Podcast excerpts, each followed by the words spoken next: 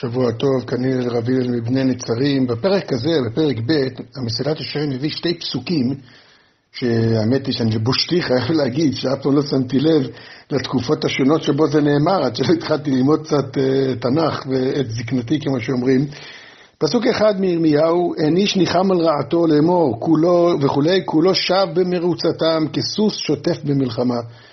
והפסוק השני שהוא מביא מחגי, שימו לבבכם על דרככם, שהאמת היא שזה תקופות שונות. ירמיהו זה ממש כשה... סוף בית ראשון, כשהחורבן מתקרב ואף אחד לא שם לב בכלל, ואילו חגי הוא כבר סוף הנביאים, וכבר מדובר שכבר אחרי 70 שנה חזרו ארצה, דריווש, כל הסיפור שם, והם לא, והם לא בונים את בית המקדש.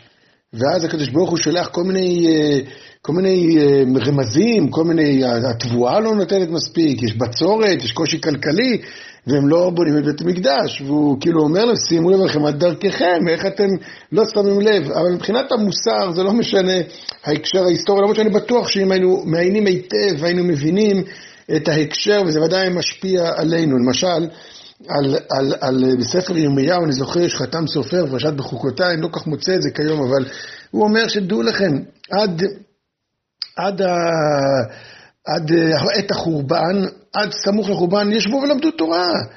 כאילו, זה בא לומר, העומד מבחוץ, אם אנחנו היינו מסתובבים שם, ורואים את הציבור בעת החורבן, לא ממש חורבן, כן, לפני, ובתקופת ירמיהו, ואם היינו מסתובבים בתקופת חגי, רואים מה מדהים, נפלא, הכל מצוין, לומדים, הכל נראה כאילו מצוין וטוב.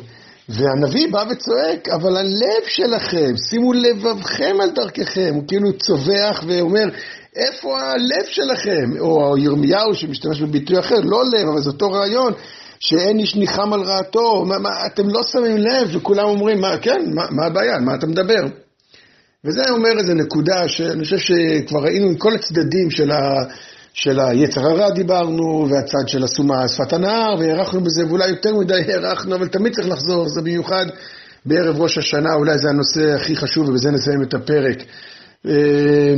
אטימות הלב. כתוב בפרשת שבוע שלנו, שקראנו עכשיו, בפרשת ניצבים, כי בשרירות ליבי אלך, הרבה פירושים מה פירוש שרירות ליבי, המון פירושים. אבל קיצוניים, מנוגדים, מה האדם הזה חושב, אבל בסוף הרב חצקה לוינשטיין באור יחזקאל, שיחות המוסר שלו, הוא אומר שרירות ליבי, אני לא יודע איך הוא מכניס את זה במילים, אולי מצד בלשון שריר, כאילו איזה שריר כזה חזק, אוטם הלב.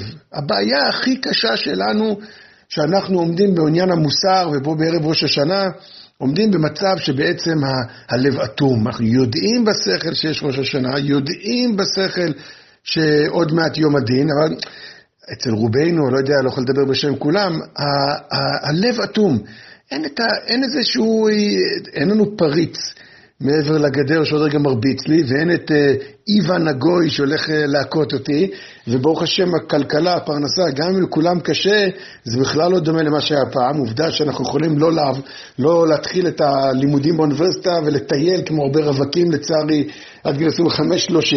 אז, אז, זה אומר שאין כאילו משהו מבחוץ. בעצם הקדוש ברוך הוא דורש מאיתנו שהלב ייפתח לא בגלל מכות מבחוץ, אלא בגלל איזו התעוררות פנימית. אנחנו שואלים את עצמנו, שאלו אותי בישיבה, גם כן, אתם מכירים את זה, גם אתם לא יודעים בישיבה, שעובר אלול ואנחנו לא מוכנים לראש השנה. נכון, דיברנו על זה כל השבת בישיבה עכשיו, כאילו, מה, מה, מה עוד, אני, מה אני יכול לעשות? איך אני יכול לפתוח את אטימות הלב? באמת התשובה היא קשה מאוד, זה צריך הרבה תפילה על האטימות.